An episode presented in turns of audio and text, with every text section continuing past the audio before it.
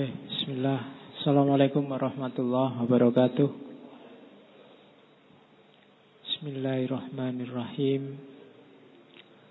Alhamdulillahi rabbil alamin. Wa bihi nasta'inu ala umuri dunya waddin.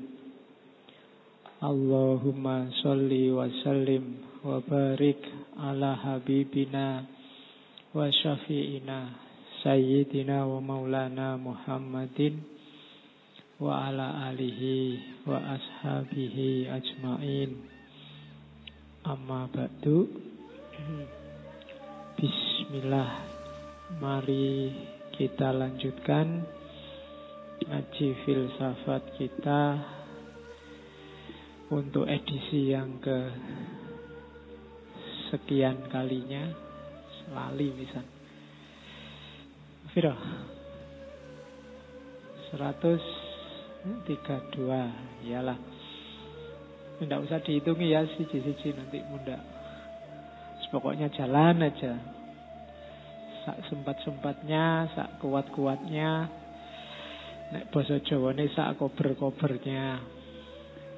Tidak harus dipaksa. Semoga ada manfaatnya. Kan gitu aja kita mendoakannya ya banyak yang ngirim ke Facebook, banyak yang tanya ke WA saya, apa boleh ngaji ini dipakai untuk ngajar, dipakai untuk bikin tugas kuliah? Ya jawabannya ya silahkan saja. Ini ketika sudah keluar dari saya itu berarti milikmu semua, hakmu. Tidak ada pelagiat-pelagiatan. Wong ini bukan milikku, Yohan. Saya cuma dititipi sama yang punya ilmu. Kebetulan cuma keliwatan saja. Jadi pakailah siapa yang butuh. Mungkin kamu sedang ngajar di mana butuh itu pakailah.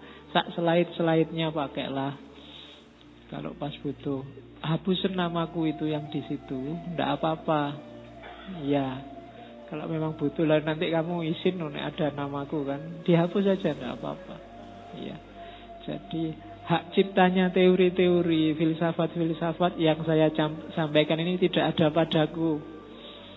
Kalau pas Ibnu Arabi ya hak ciptanya Ibnu Arabi, kamu fatihailah Ibnu Arabi, mintalah ijazah ke beliau.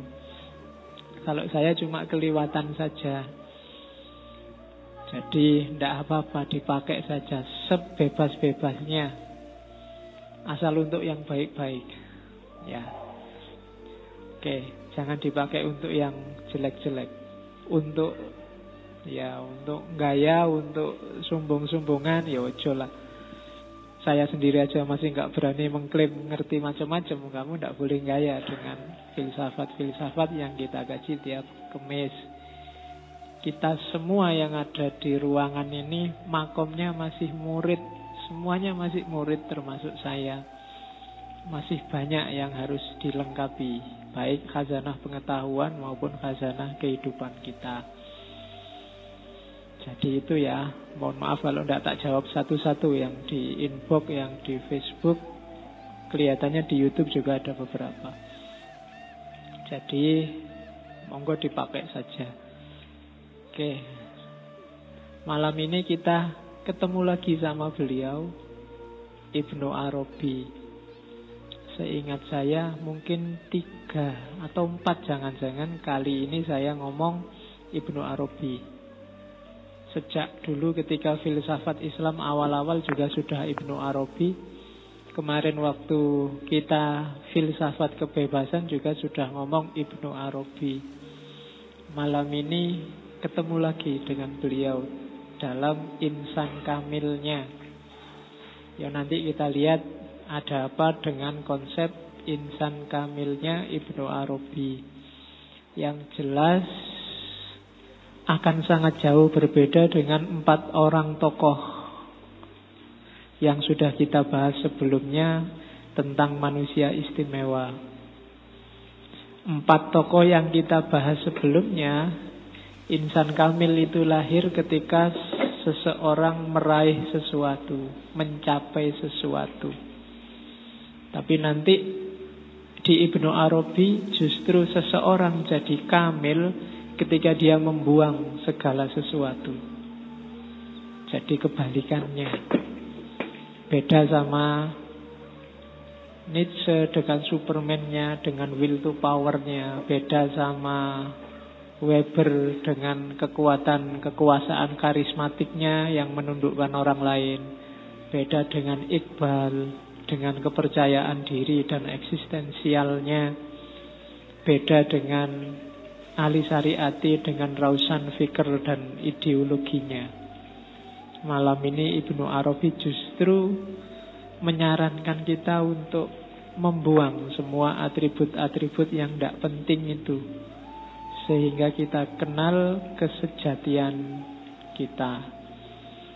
Genrenya beda. Malam ini kita genrenya tasawuf. Tidak seperti minggu-minggu sebelumnya. Jadi itu Ibnu Arabi. Saya tidak harus mengulang ya riwayat hidupnya.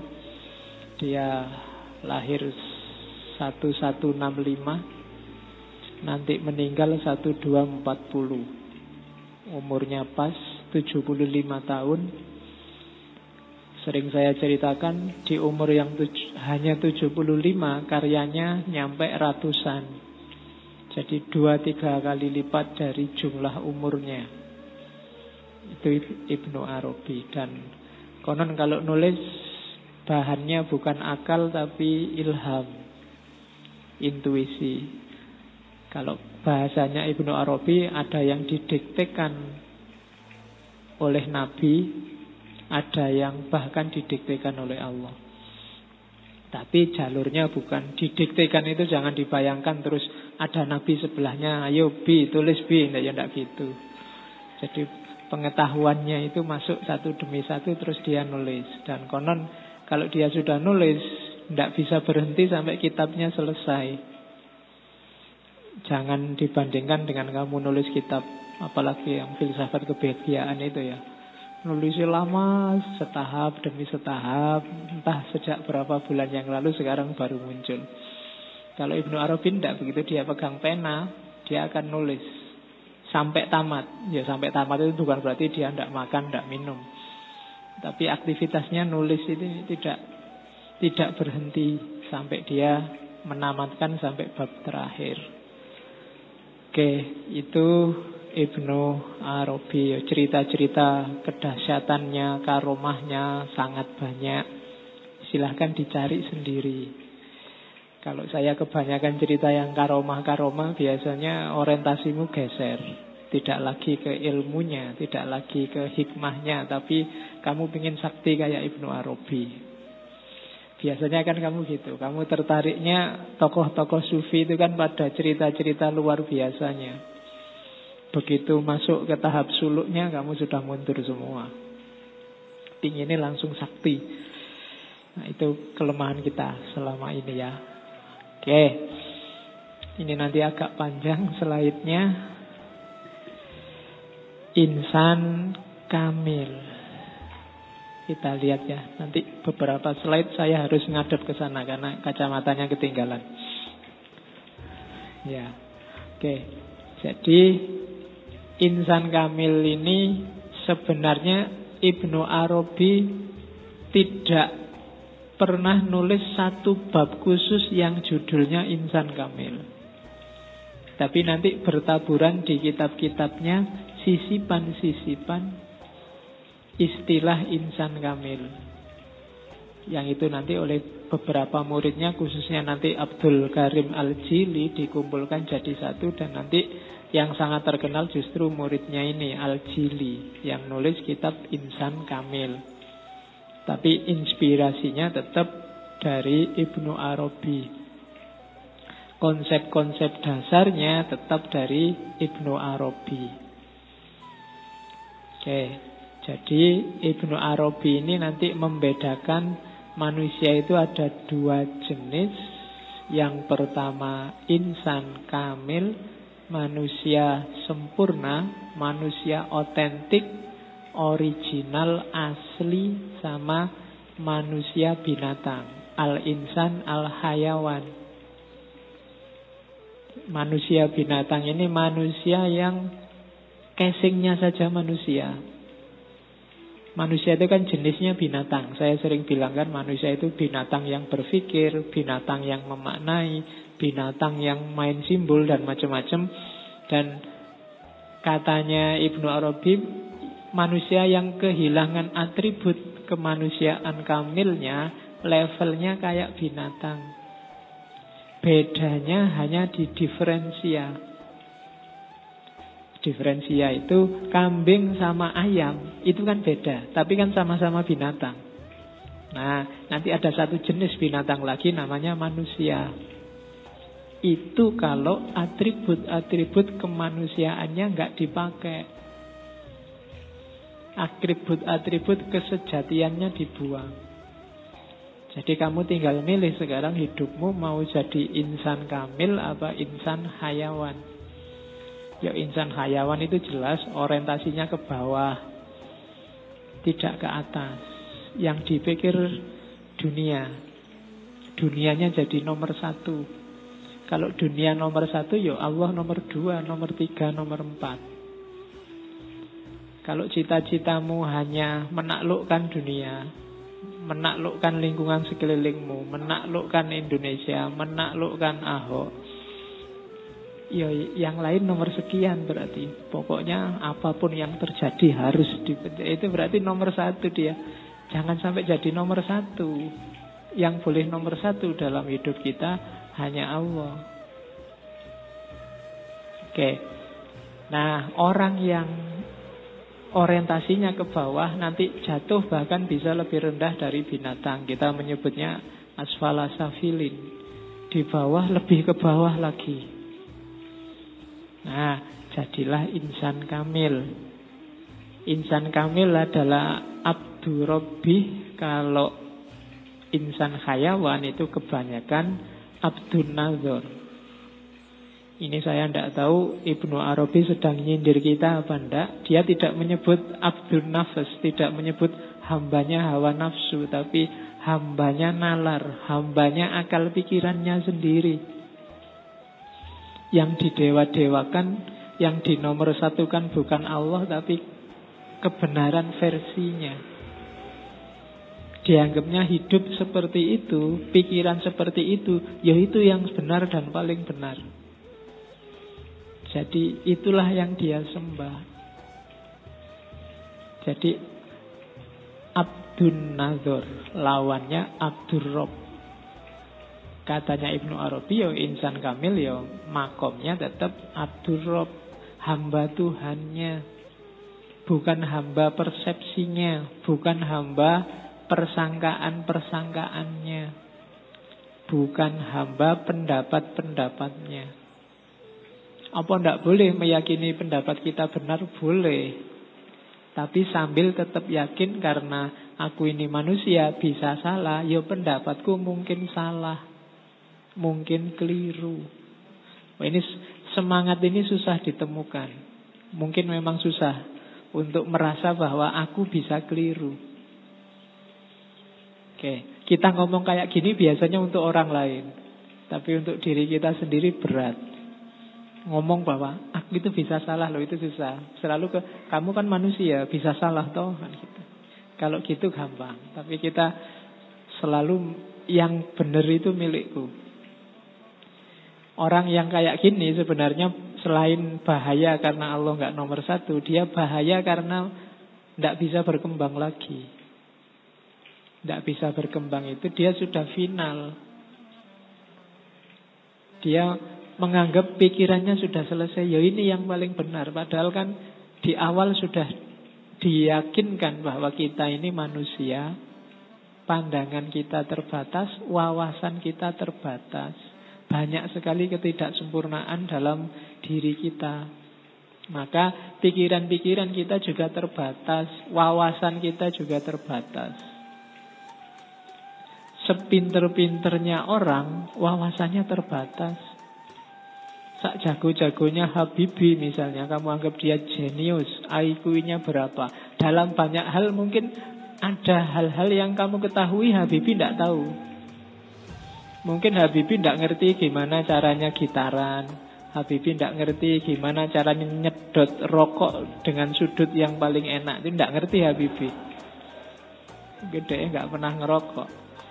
Kan yang penting tidak ngerti kan dia juga tidak tahu segalanya sejenius apa pun.